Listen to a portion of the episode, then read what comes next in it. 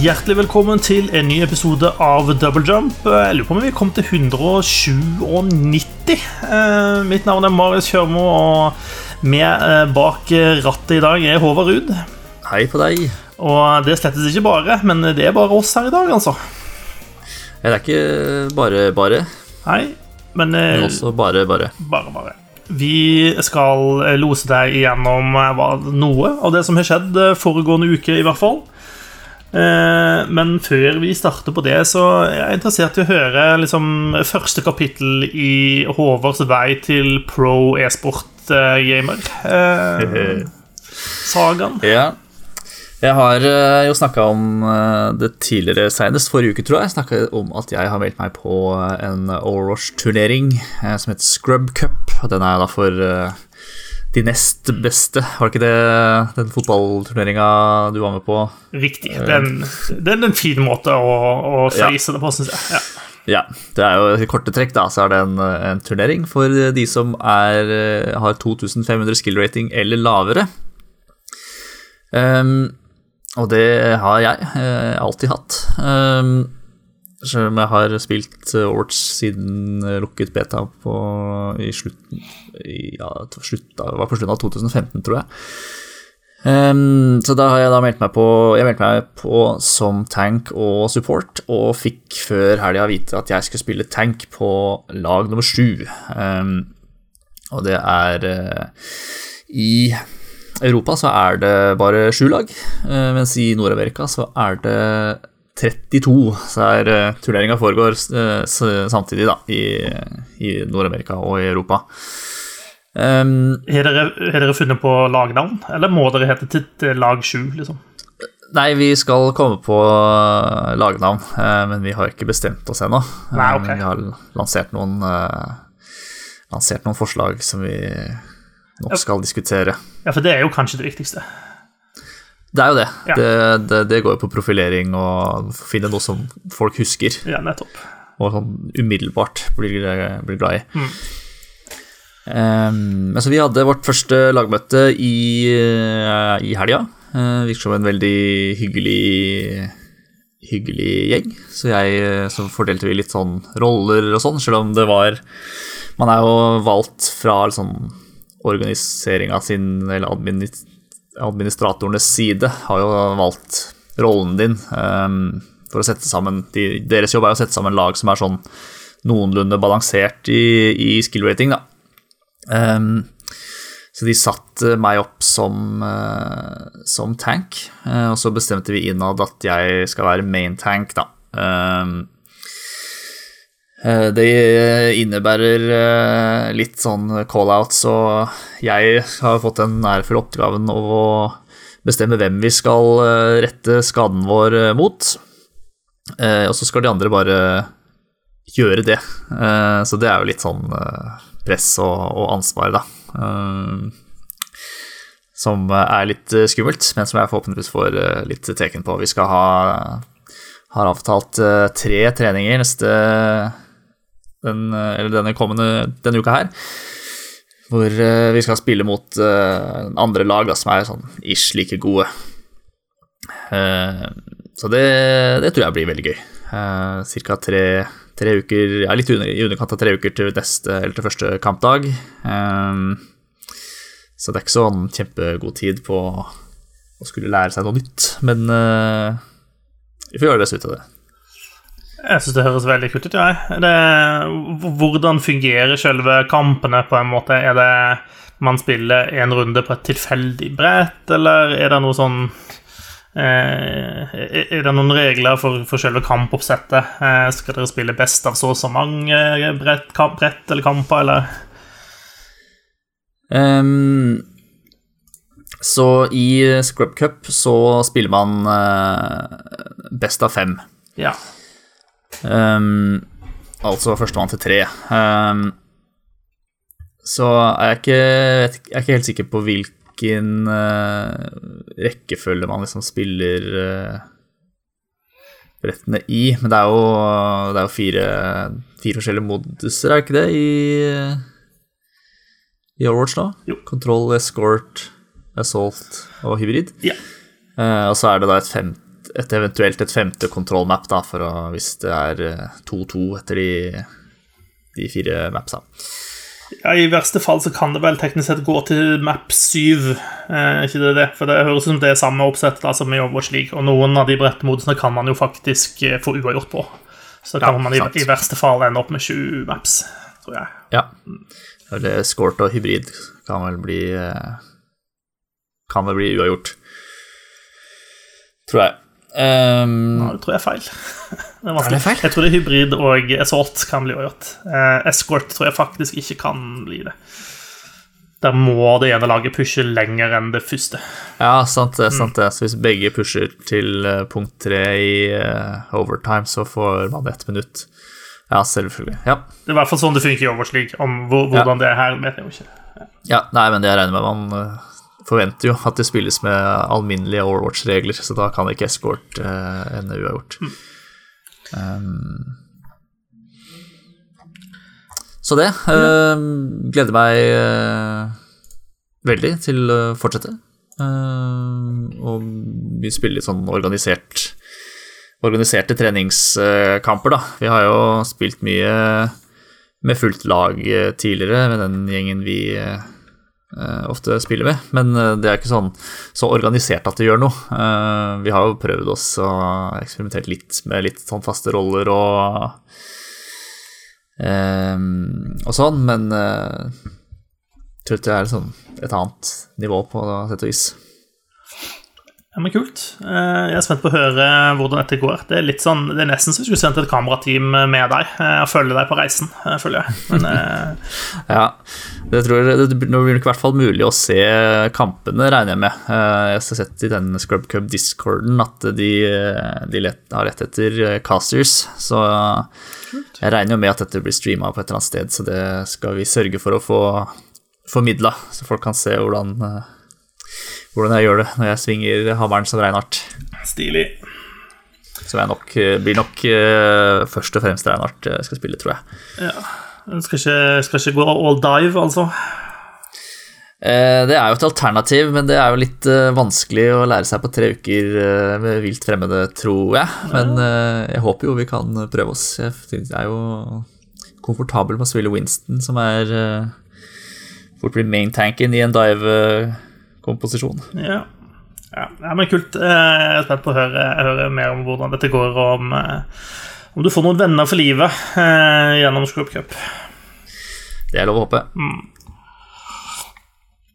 Åh, må bare drikke litt te. Det er viktig på Det har jo snødd i Bergen i dag, som det selvsagt gjør i midten av mai. Eh, Ja, det var litt snøfall i Oslo i dag òg, faktisk, da jeg gikk fra jobb. Eh, når, når kan man liksom ta på sommerdekkene på bilen? Det, det, det er en sånn ting jeg aldri har skjønt eh, når man kan gjøre. Det er tydeligvis vente til juni, da. Eh, Og så må man Det har kanskje sett lovet ut lenge, men Er det sånn fra juni til medio september så kan man kanskje ha sommerdekk på bilen, altså vinterdekk resten av året. Ja. Håpløst. Ehm, jeg har den siste uka spilt ganske mye Elder Scrolls Online. ja, det har du gjort før òg, har du ikke det? Jo, eh, det, men det er noen år tilbake. Eh, og det var på Xbox. Og jeg har jo da funnet ut at eh, du har spilt Elder Scrolls på Xbox, ja. Eh, ja det, det driter Elder Scrolls i hvis du har lyst til å spille det på PC. For å si det sånt. Det er ingen måte å overføre noe som helst over, og det er ingen crossplay mellom konsoll og eh, PC-versjon. Så når nå min vennegjeng plukka opp igjen Elder Scrolls eh, på PC, så måtte jeg kjøpe spillet på nytt og starte på level 0 uten noe, noen ting som jeg hadde opparbeida på Xbox-kontoen min. Det er litt skuffende, da. Det er litt kjedelig, det er jeg enig i, men sånn, sånn er det. Tydeligvis. Eh, man kan jo håpe at eh, for fremtiden så blir det mindre eh, av den typen ting. Men Men det må kanskje være sånn, da? Eller er det Syns du det er en fordel å spille på, på PC? Det kan jeg ikke skjønne at det skal være. Jeg, det er jo andre MMO-er som har crossplay. Jeg tror dette her bare er fordi at Ellers Online er blitt noen år gammelt. Og det var ikke aktuelt å ha felles servere på det tidspunktet, fordi det hadde ingen eh, spill på tvers av konsollene. Dette spiller jo også ute på PlayStation. Eh, og jeg vet også at det er mulig å få overført kontoer, fordi de gjorde dette som en sånn one time-greie. Eh, jeg husker ikke akkurat når, men jeg lurer på om det var et eller annet knyttet opp mot lanseringen av PlayStation-versjonen. eller noe sånt. Så så hadde de en liten periode der det var mulig å flytte kontoen sin fra PC til konsoll, eller vice versa, eller et eller annet sånt noe. Eh, så det er tydeligvis mulig å gjøre dette. Det er bare mye styr for eh, For eh, Hva er det de heter for noe? Det er ikke Bethesda som styrer det, men det er Zenimax Games, er det vel, som, som håndterer det. Så, så de bare gidder ikke gjøre det, basically. Internett hevder at det går an å grine seg til å få det gjort, eh, hvis man maser veldig mye, men, men policyen er at det ikke er mulig. Så. Ja, det er vel ikke første gangen folk kjøper eh, Eller Scrolls-spill eh, flere ganger. Det er ikke det første Elder Scrolls-spillet jeg har kjøpt flere ganger. Det er helt, uh, helt korrekt. Um, og så lærte jeg jo litt sånne ting også med spillet som jeg ikke var klar over på forhånd. sånn fordi liksom, betaling og sånn for MMO-er, det kan jo være litt komplisert. Um, så hvis du skal spille Elder Scrolls Online, så må du først kjøpe liksom base game. Uh, hvis ikke du får det på noe salg, eller sånn, så koster det 200 spenn, i hvert fall i Steam uh, nå. Mm. Og det er jo greit. 200 spenn, så får du spille. Og så kan du jo kjøpe ekstra Så er det på en måte ulike varianter. Du kan kjøpe masse innhold. Det er jo masse DLC-er. Eh, eller du kan gå for abonnementstjenesten som, som heter ESO ja, pluss eller premium eller et eller annet sånt noe. Eh, og da på en måte ser det ut som at hvis du tar den, så får du tilgang på alt innholdet. Mm. Men det gjør du ikke. Uh, ok. Eh, for det du får, du får innhold til all DLC. Men i sin eh, klokhet, eh, visdom, eh, sluhet, så har utviklerne av dette spillet funnet ut av at Men vi skal begynne å gi ut noen store utvidelsespakker som vi ikke kaller DLC. Vi kaller det for chapters isteden. Og det er ikke inkludert. Eh, det vil si eh, De nyeste er ikke inkludert. Det ser ut som at når en sånn en chapter er blitt et år gammelt, så nedgraderes den fra å være en chapter til å bli en DLC, og da får du tilgang til det. Yikers. Yes. Så det er litt rart, akkurat det der, der. Og det er litt misvisende. For jeg signa meg opp på den abonnementstjenesten i god tro om at nå fikk jeg tilgang til alt. Eh, men så var ikke tilfellet. Eh, den Elsewhere-utvidelsen Elsewhere, som, som, kom ut i fjor, den er jo foreløpig ikke tilgjengelig for meg. Da. Og nå, eh, om to ukes tid, eller noe sånt, så kommer en ny utvidelse som heter Greymore. Den får jeg jo ikke tilgang til, men jeg håper i hvert fall at den forrige da blir tilgjengelig. Det er ikke, så vidt jeg kan se, eh, annonsert noe sted at den blir, eh, men det er i hvert fall det som har vært praksisen deres tidligere, så da bare antar jeg at det, det er sånn det kommer til å være. Men når det er sagt, da eh, Elderscrolls Online har holdt på en stund. De har produsert mye innhold. Det, det er nok å gjøre der, selv om du ikke har liksom, den siste utvidelsen, da, for å si det sånt. Ja. Det er veldig mye å gjøre. Eh, så langt så har jeg kun vært i Morrowind-regionen på min game. Eh, og jeg er ikke ferdig der, og jeg har gått fra level 0 til level 20. Eh, par og 20 har jeg til og med blitt. 50 er maks level, pluss at de har noe sånn der med champion score level something ultra high-greie etter level 50, men 50 er liksom maks level, da. Eh, så det vil si at det er på en måte nok å gjøre, fordi det er veldig mange andre regioner i tillegg til, til Vardenfelder eller Morrowind-regionen, eh, som vi da ikke har toucha ennå. Eh, så der er det veldig mye. Det er litt sånn, det å komme tilbake til Morrowind da, det skal vi si, Jeg har jo et, et veldig varmt forhold til, til Elder Scrolls 3, Morrowind. som var, var, det spillet som på en måte lærte meg å like Elder Scrolls-universet. Eh, og tilbrakte masse tid. Og for øvrig også det første Elderscroll-spillet som jeg kjøpte til to plattformer. for øvrig. Eh, det hadde jeg både til, eh, til, PC og til den originale Xboxen, husker jeg. Nice.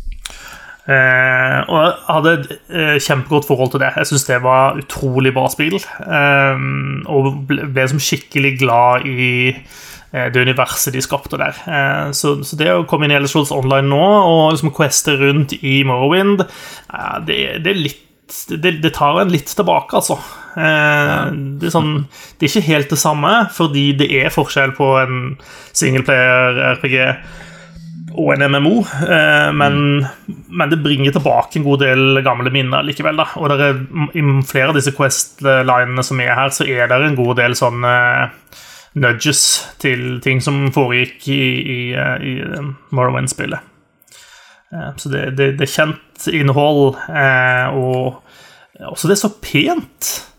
Det er liksom, altså sånn, de har vært veldig flinke, syns jeg, i, i Ellersås universitet til å lage på en måte ulikt utseende da, på de ulike regionene sine. Eh, altså arkitektur er ulikt, eh, floraen er ulik. Eh, sånn at med en gang du kommer til Morrowind, så er det veldig gjenkjennelig at her er det disse husene her. De finner du bare her. Eh, her er det sånn digre altså sopper som er liksom så store som trær. og eh, ja det, jeg, jeg, jeg, liker det. Ja. Og så syns jeg at Elder Scrolls Online er Til å være en MMO, så syns jeg de er, de er, relativt flinke på Quests, da. Uh, de har på en måte Quester som er storybaserte. Det, det, det, er lite gå dit og drep ti sånne, eller samle 40 sånne og komme tilbake og få reward. Eh, det er mye mer fokus på, på, små historier som du får fortalt. da. Mm. Eh, og det kan jeg sette pris på. Eh, så sånn sett så er det Mesteparten av tida så quester jeg rundt alene og liksom gjør min ting og løser quest og sånne ting. Og så, så har jeg noen venner som vi tar noen dungeons sammen innimellom, og, og, og noen bosser og sånt sammen. Eh, som er veldig greit, for det er noen, noe innhold som du ikke kan gjøre alene. Det er ikke godt nok til. Det er ikke du god nok til. Og så er jo Det var vel for var det ett år siden eller halvannet år siden eller sånn, så gjorde de jo en endring i Eldershots Online om at alt innholdet ble eh, skalert til, til, din karakter sitt nivå, da. Ja. Ehm, som eh, noen, noen, liker, andre liker ikke, eh, men det gjør i hvert fall at på en måte man kan hoppe inn hvor man vil i spillet og gjøre det man vil. Du må ikke liksom grinde en karakter opp til level 50 før du kan gå, og, gå i den regionen og se hva som er der. Mm. Um, og de har også bygd opp spillet sånn at uh, liksom, det er sånne hovedhubber i på en måte hver region. Sånn at uh, Eh, når jeg nå starter opp, så starta min karakter i Morrowind. Det gjorde jo ikke den forrige gangen jeg spilte på Xbox. Da starta jeg jo et helt annet sted. Da fantes jo ikke Morrowind ennå i spillet. Um, så, så, på en måte alt, alt, jeg trenger for å spille spillet, er også i den regionen jeg er i nå. Og så er det jo selvfølgelig sånn som alle MMO-er at det er litt sånn det er mange insentiver på å bruke penger i spillet, uh, utover den månedlige abonnementskostnaden uh, jeg legger inn i det, da. De er flinke til å friste deg med ganske mange kule ting som du må kjøpe for ekte penger. Um, og ting som du kanskje ikke kjøper for ekte penger, er de ikke alltid så flinke til å fortelle deg om. Så det er litt sånn der, ok, jeg kan kjøpe denne, men kanskje jeg kan få den gjennom en eller annen Quest som jeg ikke vet hva er. Uh, ja. Um, og så er det masse forskjellige in game currencies, sånn som, som, veldig mange sånne spill har. Sånn Jeg syns det er litt usmakelig Uh, noe av det. Men det er vel sånn man finansierer sånne ting, I guess. Ja. Men uh, for, for, MMO å være, så, så, kan jeg sette pris på Elderscrolls Online. Eh, jeg syns det er artig å løpe rundt og gjøre Quest, og jeg syns også crafting og sånt det er et, et solid system som er, er moro å holde på med. Så mm. Is cool. Mm. Men litt av grunnen til at vi hadde lyst til å kjøre episode denne uka, selv om eh, det bare var du og meg, Håvard, er jo fordi at det har vært eh, vært en inside Xbox som skulle vise mm. oss litt av hvert av hva vi kan vente oss til når Xbox Series X blir lansert senere i år. Ja, det er jo ganske spennende på forhånd, det, for så vidt. Eh, og spennende underveis, kan man si. Det var jo world premiere på world premiere. Ja, det var jo faktisk mange annonseringer, ting som vi ikke visste om, som, som ble presentert. Og en del ting som var sånn Dette har vi, eh, har vi ikke sett noe av før nå. Så um, eh. De har jo eh, de har fått litt kritikk da, i ettertid. Uh, for eh, eh, Ja, hva skal man si? De, kanskje de bygde noen forventninger som ikke var helt eh, det de egentlig mente å gjøre, kanskje? Eh, Eller som i hvert fall ikke sto helt til det de viste. Ja, de sa jo på forhånd at de eh, eh, skulle vise fram eh, gameplay til eh, Assassin's Creed Valhalla. Eh, Ja. og det var vel eh, ja, litt misvisende å si, kanskje. Ja, for vi kan jo starte der, fordi det var jo på en måte den, den rosinen i pølsa som de sparte til slutten, og som de liksom reklamerte med underveis i sendinga. Sånn, heng med, vi skal se Assassin's Creed etter hvert, folkens. Ja, de starta med det, og det sto på dukka opp underveis. Ja, Så Lata som han hadde glemt det før eh, ja eh, og de, de, de prata om at vi skal få se Assassin's Creed gameplay, og det, det, det syns jo ikke folk at de fikk se. Eh, man fikk se en ny cinematisk trailer, og det kan være at det er et og annet klipp inni der som man kan kalle gameplay. Jeg er ikke sikker, eh, men ja, Så jeg, det ser jo ut som uh, Alt dette her er jo uh, captured in engine, eller hva man kaller det. Uh, ser ut som, i hvert fall. Men uh, antakeligvis med et sånn verktøy for å se se de kameravinklene du vil, og sånn. altså, på ingen tidspunkt ser det ut som at her sitter det en person med en kontroller og styrer det som skjer. Nei, så å kalle det gameplay-trailer er, er ganske misvisende. Ja, så det, det ble folk litt sur for, og det kan man skjønne. Og der har også var det han Aaron Greenberg eller sånn som var ute og sa at der, eh, der dreit vi oss litt ut. Vi burde ikke ha Vi burde ha satt forventningene mer riktig etter det vi skulle vise frem. Eh, og Han syntes det var uheldig, og han sa vel også noe sånn som at hvis vi ikke hadde sagt noen ting, bare sagt vi skulle vise masse spill, så hadde sannsynligvis mottagelsen blitt mer positiv enn det den ble pga. det. Eh, og det tar, tar de sjøl ansvar for. Så det er for så vidt Ja, det tror jeg, tror jeg er en god uh, analyse. Men Assassin's Creed ser kult ut da, selv om vi ikke fikk se så mye gameplay. Ja, for all del. Uh, viste jo den, den andre traileren viste jo mye mindre enn den første, syns jeg, da. Men, uh, Ja, den, uh, men ja, Valhalla har jeg fortsatt trua på at det blir kult. Ja jeg er litt spent på altså, Vi har jo fått vite noe om at man skal, man skal på en måte være ansvarlig for liksom en, sånn, en egen liten sånn vikingby eller vikinganklave eller noe sånt noe. Mm. Og jeg er veldig spent på hvordan de mekanikkene utspiller seg i spillet. Eh, For det tenker jeg at er noe som, som kan være en veldig kul hook da, eh, til et Assassin's Creed-spill. Eh, Så jeg er spent på å utforske britiske øyene og litt sånn Hvor stort kart er egentlig? Hvor skal vi hen i verden?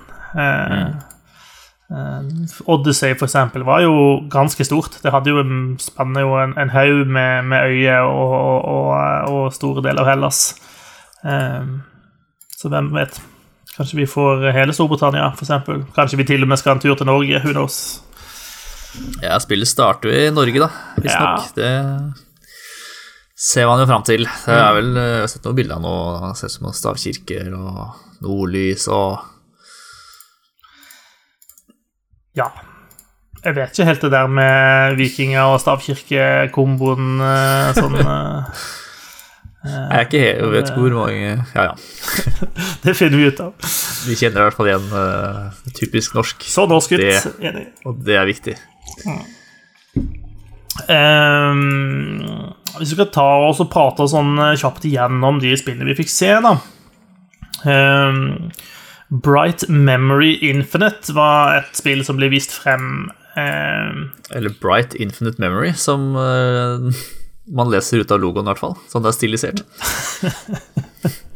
Ja, det kan du si. Eh, det er et eh, spill som Altså, Bright Memory er allerede ute på Steam.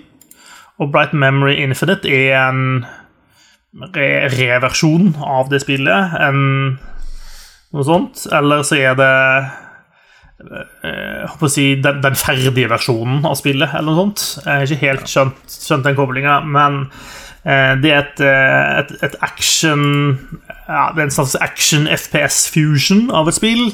Eh, og det aller mest imponerende med det spillet er at det er lagd av én en enkelt person. Eh, ja. Og det er faktisk veldig imponerende. Ja, fordi dette er jo ikke Altså, med, med all respekt altså sånn, Vi har jo hatt flere gode spill som er lagd hovedsakelig av én person, som Stardew Valley, for eksempel.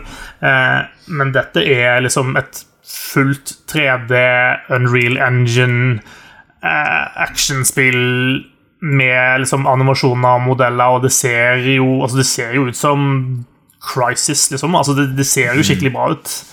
Uh, så, så, den biten er bare helt utrolig imponerende. Ja. Ja, virkelig. Så vi får se hva, hvordan det ser ut på en uh, På neste generasjons konsoller, iallfall når det kommer. Det kommer også til, til PC, da, den final releasen etter hvert. Mm. Så fikk vi se et spill som heter Call of the Sea.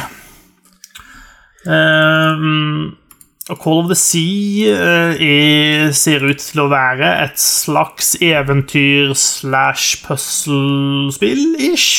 Ja, litt sånn Walking Simulator, Gone Home-vibber, fikk jeg. Ja, jeg fikk litt sånn Firewatch-følelse mm. uh, av det. Mm. Men det handler i hvert fall om en dame som dette, det spillet satt på 1930-tallet, og denne dama reiser da til en øy for å prøve å finne ut av hva skjedde med, med mannen min, som, som, reiste til på en ekspedisjon her, og da tydeligvis aldri kom tilbake. Eh, og Det ser jo til å være veldig atmosfærisk og pent, og kanskje også tidvis litt skummelt. Eh, så jeg litt sånn usikker da på detaljene, sånn hvor mye er liksom beint ut eh, puzzles og gåteløsing og, og, og sånt. Så vi følger med på, men, men, det var egentlig ganske mye sånn Jeg likte stemningen i, i spillet. Ja, absolutt. Ja, sånn atmosfærisk vakkert og litt skummelt. er jo Eller brukt samme beskrivelse av Firewatch.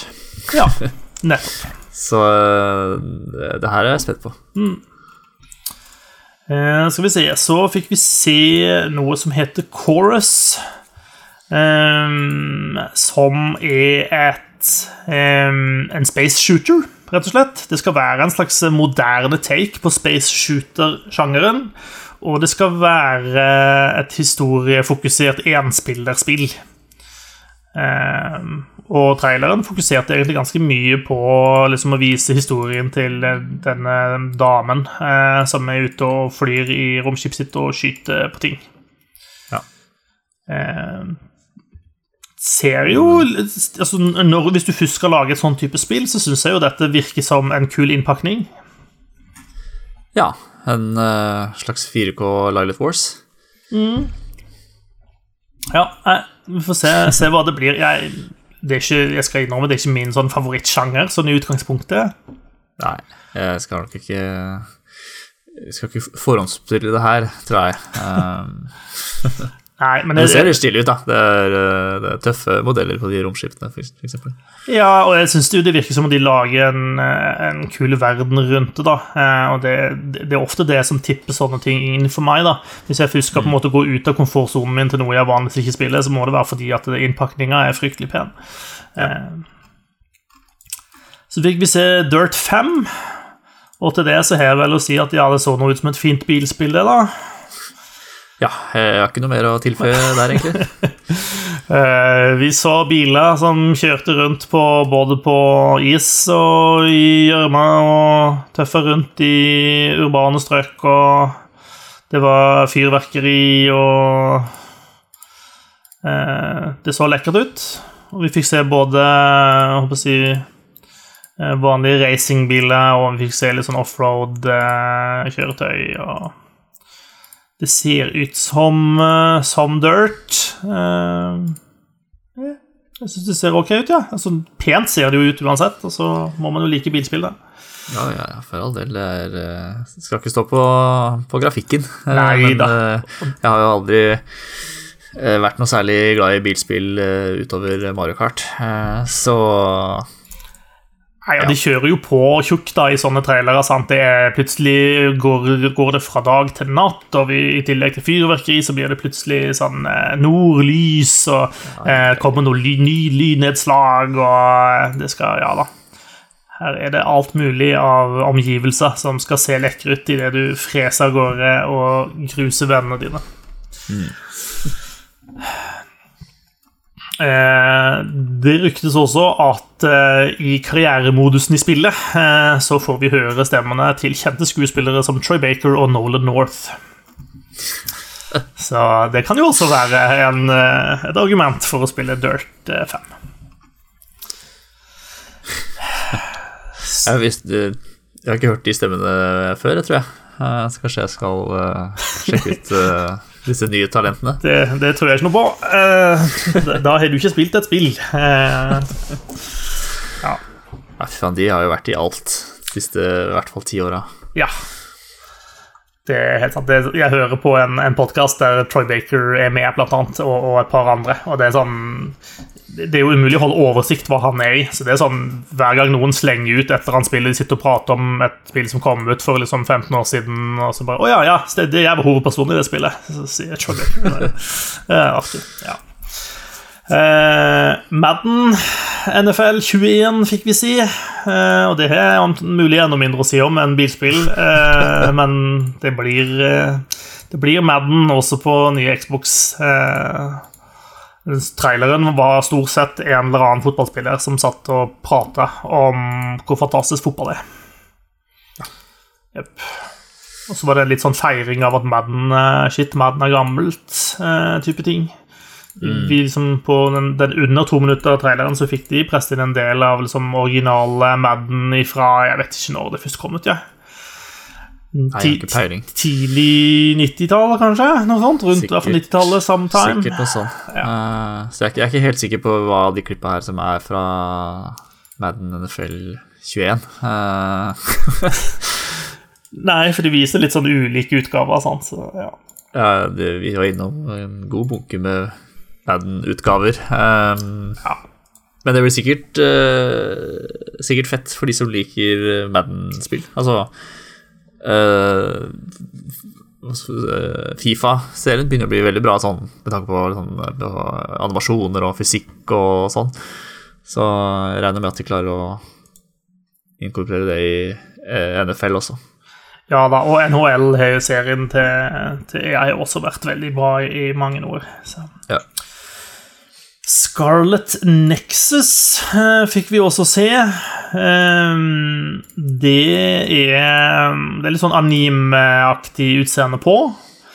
Og så er det en del veldig rare monstre som tydeligvis eh, kommer og lager dårlig stemning. Og så er det en sånn veldig animete helt eh, som viser seg å tydeligvis være den personen som skal redde dette her. Eh, en, en liten mann med et stort sverd. Eh, ikke en uvanlig oppskrift, vil noen hevde. Eh, og han har en eller annen sånn Jeg husker ikke hva han kalte det. Psycho, psychokinetic powers, eller et eller annet sånt noe. Eh, som, som, som da tydeligvis er det eneste som kan bekjempe disse ra rare monstrene. Eh, De skal ha det, da, at det, det var ganske mye kul sånn monster design eh, vi fikk se i det lille kartet. Absolutt. Kartet? Eh, det lille traileren. Ja. Klippet. Klippet, ja. Hmm. Det var som noen sånne rare monstre. Noen så ut som eh, sånne blomsterbuketter, eh, blant annet. Eh, Med bein og, og armer, ja. Det var, eh, ja, og, litt freaky. ja. En hest med noe rart, ja. Eh, det ser litt ut som eh, sånn combat som Gjøran kan like. ja, det lukter litt sånn Devil May Cry Combat-opplegg som Gjøran liker. Jeg er helt enig. Vi gir den til Gjøran vi når den kommer, tror jeg. Skal han få Ja. si hva han mener om den. Ja. Eh, den traileren som jeg kanskje bemerka meg mest, var til spillet Scorn. For den var ganske uggen å se på. ja, det får du si. Ja. Eh, scoren altså, Du får ikke så veldig inntrykk av hva dette er for noe ut fra traileren. eh, annet enn at traileren er ganske creepy. Jeg vil anbefale å se den, bare for å ha sett den. Ehm, men spillet i seg sjøl er da en eh, en, en sånn horror-greie. Ja, Eh, de kaller det en eh, atmospheric, eh, atmospheric first person horror adventure game. Ja. Um, hvor du visstnok bare altså, Designa rundt den ideen at du bare kastes inn i en uh, En verden. Um, Som er skummel og jævlig. ja. Ja. Så må du prøve å finne ut av ting. Ja. Eh, Scoren der, altså. Uh, se den traileren. Den uh, ja, enig. er freaky. Det er ikke sikkert du blir så mye klokere enn oss på hva spillet går i, men eh, jeg følte ubehag eh, når jeg så den. Det gjorde jeg. Eh, Så fikk vi se et spill som heter Second Extinction. Eh, Og for de av dere som sveipa innom Inside Xbox og ikke nødvendigvis husker alle trailerne fra hverandre, eh, det var den med alle dinosaurene i. For å si det sånn. Ja. Dette er eh, 4K Turok. eh, Dinosaur Hunter, eller hva det undertittelen på det spillet var. Ja, noe sånt. Det er en trespiller coop-shooter. Der, så vidt jeg skjønner det, så er også de tre personene som man spiller i spillet, de er også ulike da, og har ulike evner. Eh, Og så må man da samarbeide for å ta jorden tilbake eh, fra disse muterte dinosaurene som er kjipe. Ja. Det kan jo være artig, det. Det, det kan jo det, hvis de liksom får uh, Gir jo litt sånn uh, Left for Dead-vibber. bare bytte ut zombiene med raptorer som kommer eh, løpende mot deg i stedet. Ja. Eh, så det kan jo være gøy å, spille sammen med andre. Ja, men det er noe med den der coop-oppskriften som er veldig vanskelig å naile som en sånn eh, kommersiell suksess, da. Ja. Eh, Så jeg er spent på om de klarer å pull that off. Men eh, altså, det å løpe fra skumle dinosaurer som eh, vil ete deg, det er jo noe vi alle har tenkt på siden vi så Jurassic Park for første gang. Så eh, det, det er jo noe som prater til oss. Det gjør det jo. Ja, jeg, jeg, jeg tror på at det kan bli gøy. Men da kanskje først og fremst fordi man spiller med andre. Ja, det, det- det tror jeg òg. Det er vel, er vel ikke så viktig så lenge man har det gøy. Vel sagt. Eh, vi fikk se et spill som heter The Ascent. Eh, som er et eh, cyberpunk eh. Som kan spilles enten alene eller i coop. Eh, og det ser ut som de har bygd en ganske kul verden. Sånn, når jeg ser traileren, så får jeg liksom lyst til å utforske denne verden og hva det er som foregår her. Det er jo litt sånn eh, Det er lett å tenke litt sånn cyberpunk-aktig eh, når du ser traileren, da. Eh, Bare at det er litt mer Jeg tror det er litt mer sånn eh, Ja, hva skal man si Litt mer sånn fantasy-aktig look på, på noen av skapningene her, kanskje. Ja. Og det ser ut som om spillet spilles fra en litt sånn ovenfra og ned-vinkel. Eh, men det ser ut til å være ganske action-heavy eh, for øvrig. Så det er litt sånn eh, Jeg vet ikke hvor, hvor det havner hen på skalaen, om det er litt sånn Diablo-esk eller noe sånt, kanskje. Ja. Vi får se, men verden ser i hvert fall ut som den er veldig kult designa. Mm. Så var det et spill som heter The Medium. Og Det var også en trailer som ikke sa fryktelig mye om hva det var vi egentlig skulle spille. Det var mest bare masse inntrykk. Um, Ja, også, den er også litt sånn creepy Mer på den creepy siden. Ja, og det er ikke så rart, fordi det er lagd av et nytt team som består av de som lagde det siste Blair Witch-spillet, og de som har vært med og lagd Layers of Fair-serien. Eh, så dette er også et eh, sånn horrorspill, eh, og hvor man da spiller et medium eh, som da tydeligvis har kontakt med eh, flere Ja, jeg vet ikke. Dette, dette er litt utenfor min kunnskap hva medium egentlig gjør, men eh, du trekk, hun trekker tydeligvis da på ting som ikke nødvendigvis har skjedd, eller som har skjedd et annet sted, eller har skjedd tidligere, osv. Eh, og så er spillet satt til eh, 1980-tallets eh, Krakow. Eh, under eh, kommunistregimet der. Um, så det ser pent ut.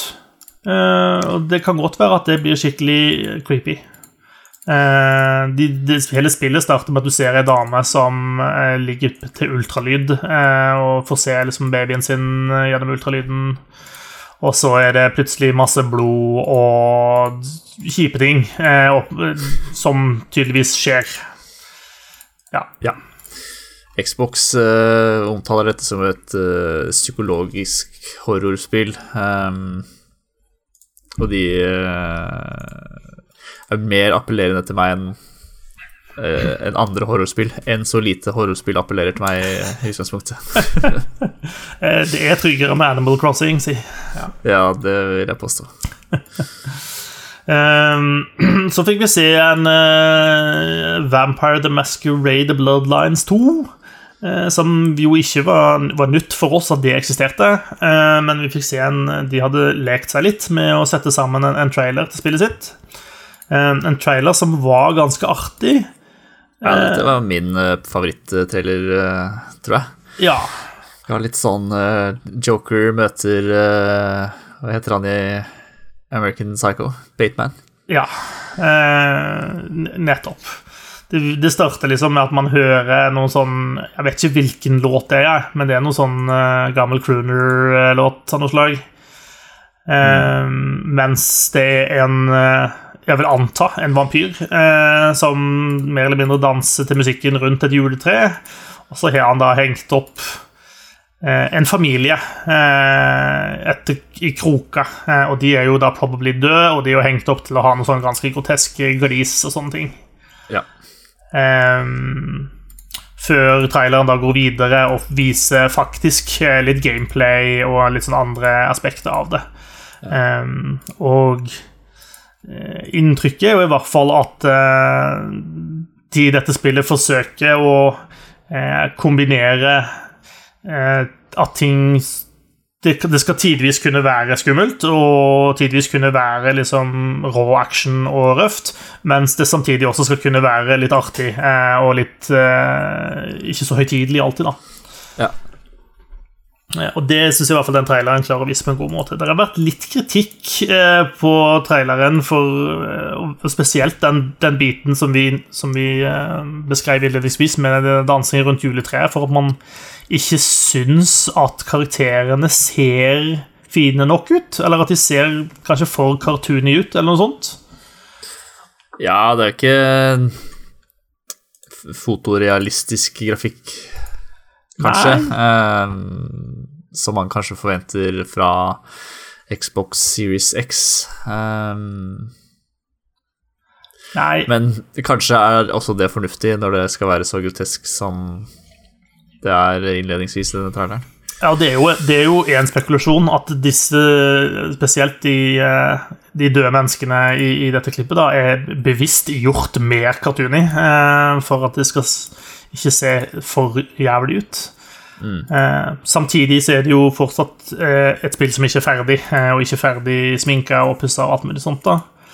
Eh, og så skal det også sies at det slettes ikke sikkert at Vampire the Masquerade Bloodlines 2 kommer til å være det spillet som skal sette den nye grafiske standarden eh, for spillet som kommer heller, da. Skal Nei. sies. Eh, men jeg syns de tingene jeg ser fra, fra det spillet, virker veldig lovende, så jeg gleder meg veldig. Ja, jeg er eh, Det har Det har my interest. Jepp. Og så fikk vi til slutt se Yakuza Like a Dragon. Eh, Det er så vidt jeg vet et spill som allerede er utgitt i Japan. Det er det nyeste spillet i Yakuza-serien. Eh, Og det kommer jo da til, eh, til både Xbox og PlayStation. Jeg antar at det kommer til PlayStation også. Ja, det vil jeg tro. I hvert fall Ja, det er jo på PlayStation i Japan, så ja. det ville vært rart. ja, jeg vil anta det. Rarere ting har skjedd. Ja da.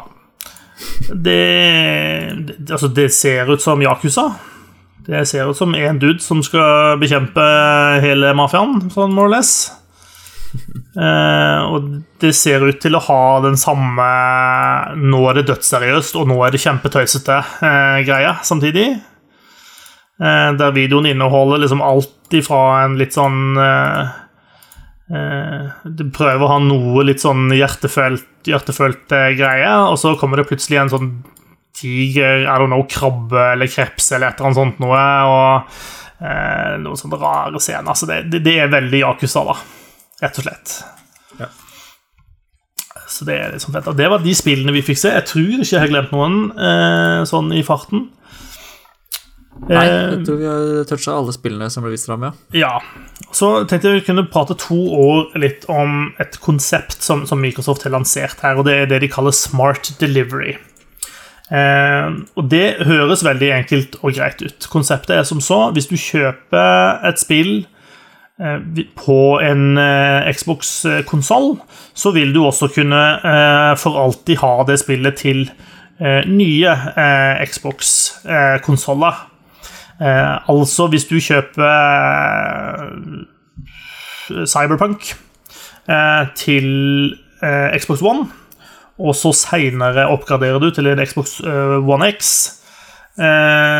så vil du da kunne laste ned den versjonen av spillet som er lagt for Xbox One X-versjonen, uten at det kommer til å koste en krone ekstra. Det er konseptet med Smart Delivery.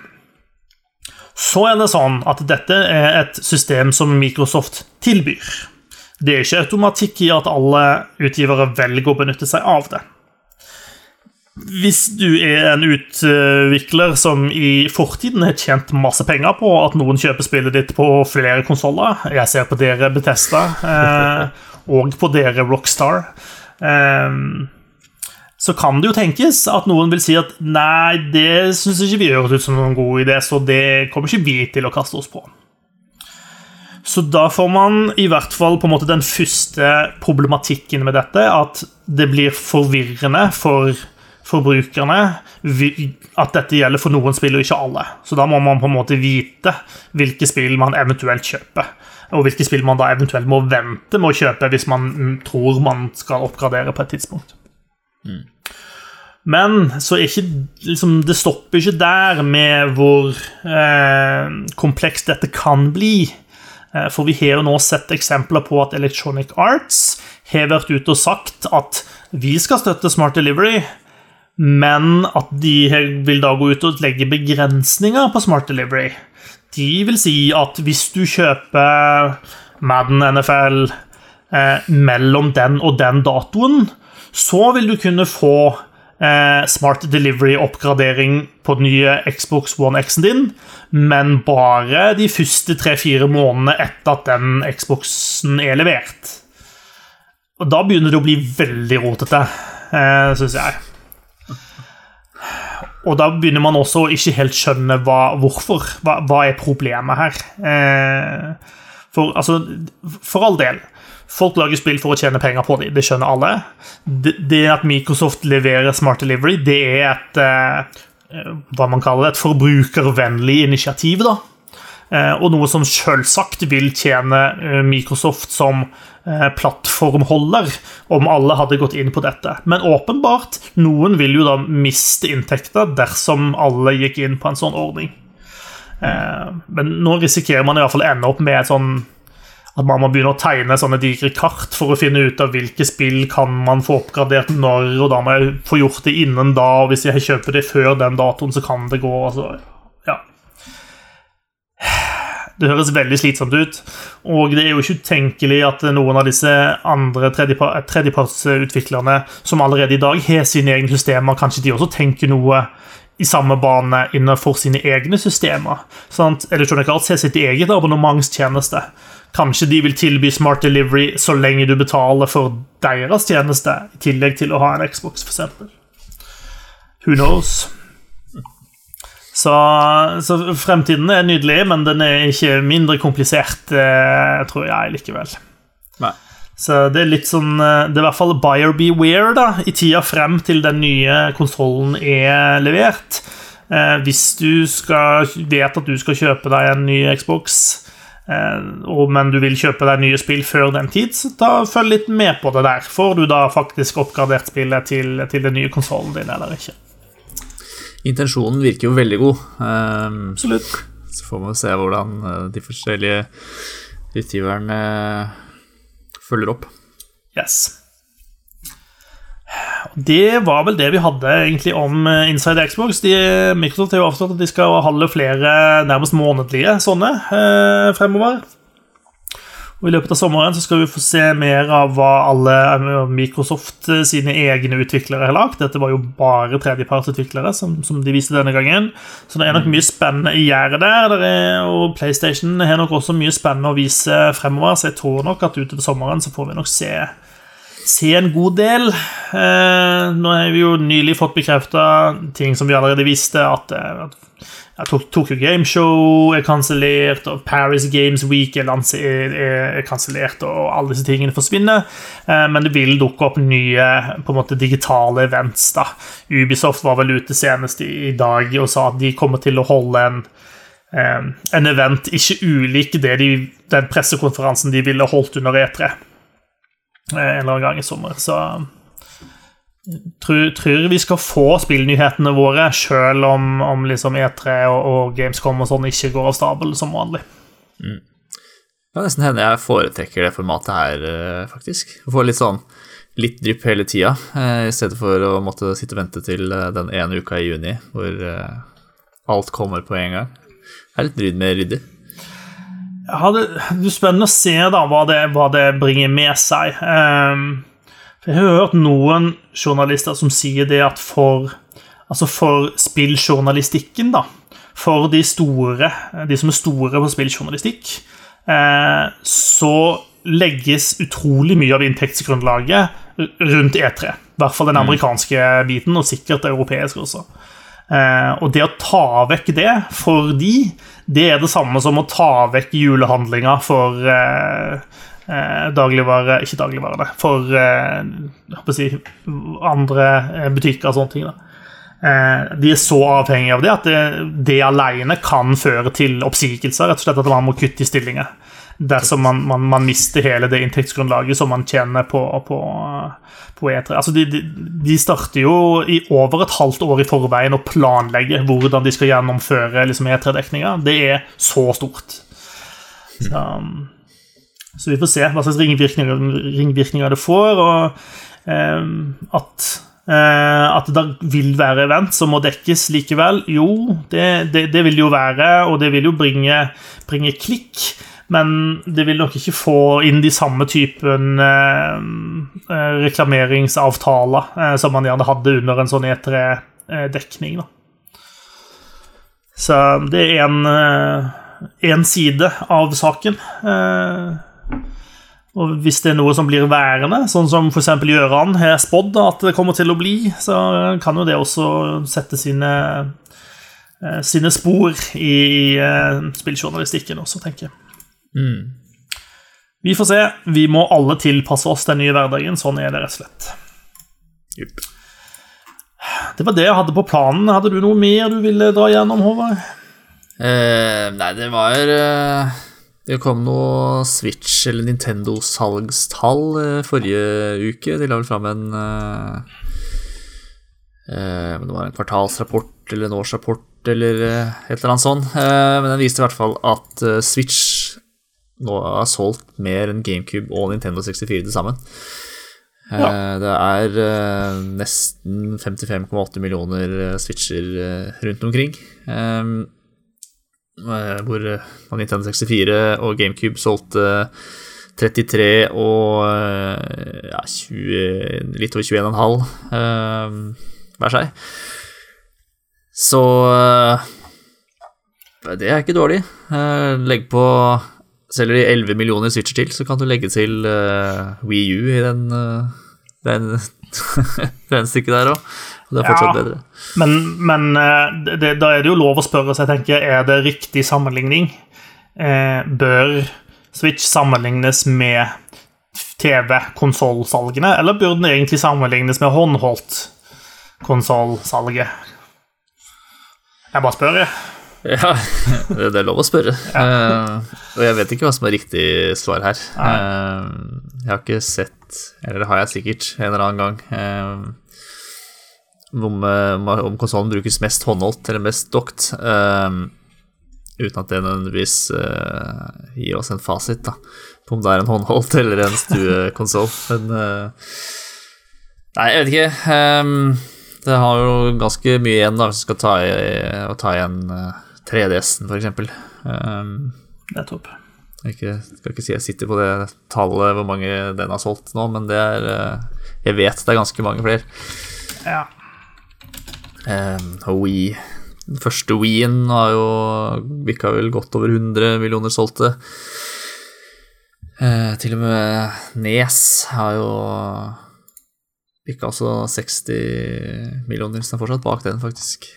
Ja Prøvde å google noe kjappe salgstall her. Det er ikke bare bare for å innhente sånne salgstall heller, men eh, jeg tror Nei. det ser ut til at 3DS-en eh, i hvert fall alene har solgt, har solgt mer foreløpig enn Switchen her, da.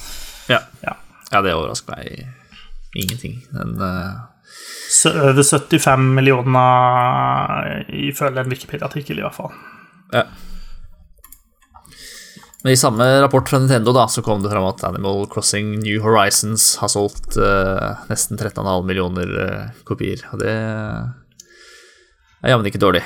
Nei, det er kjempebra. Og det, det, her er det jo lov å spørre seg hvor, hvor koronaavhengig er, det, er den mengden der. Eh, hadde det solgt like mye? Eh, hadde det vært vanlig hverdag for folk flest? Jeg vet ikke. Ja, det, er, det, er, et veldig godt spørsmål. Ja. Uh, men per nå så er det i hvert fall det sjette beste Eller sjette mest solgte Switch-spillet, hvis man regner Pokémon Sword og Sword and Shield sammen. Mm. Ligger fortsatt godt bak Mario Kart 8 Deluxe, da, som har solgt nærmer seg 25 millioner solgte kopier. Riktig. Ja, ja. Men det er greit. Det var jo ikke overraskende at Switch og Animal Crossing gjør det bra. Det har jo vært eh, mye eh, Animal Crossing i monitor, syns jeg, de siste ukene. Eh, jeg har ikke spilt spillet, men jeg begynner å bli litt lei det allerede. Så ja. Nei, men jeg tror vi skal ta og si at det var greit, ja. Eh, det ble jo en fin liten sending med bare meg og deg. Eh, får vi håpe at eh, det står bedre til med de andre til neste uke, så får vi en litt fyldigere gjeng med oss. Ja. Jeg syns vi har vært flinke likevel, ja. Jeg syns også vi er flinke. En, en, digital klapp på ryggen til oss begge. Ja, syns jeg. Takk for at du hørte på oss, i hvert fall. Eh, har du ris, ros, forslag, så send gjerne det inn til oss. Eh, enten via våre sosiale mediekanaler eller til eh, post.doublejump.no. Vi vil veldig gjerne høre litt om hva du syns om podkasten vår, og om du har forslag til endringer vi kan gjøre, ting vi skal fokusere på, ting vi kan prate om, sånne ting. Vi lytter veldig gjerne. Så all tilbakemelding setter vi pris på. Um, og Da er det bare å si uh, takk for at du hørte på, og så er vi tilbake igjen om en ukes tid. Uh, hei så lenge, da. Snakkes.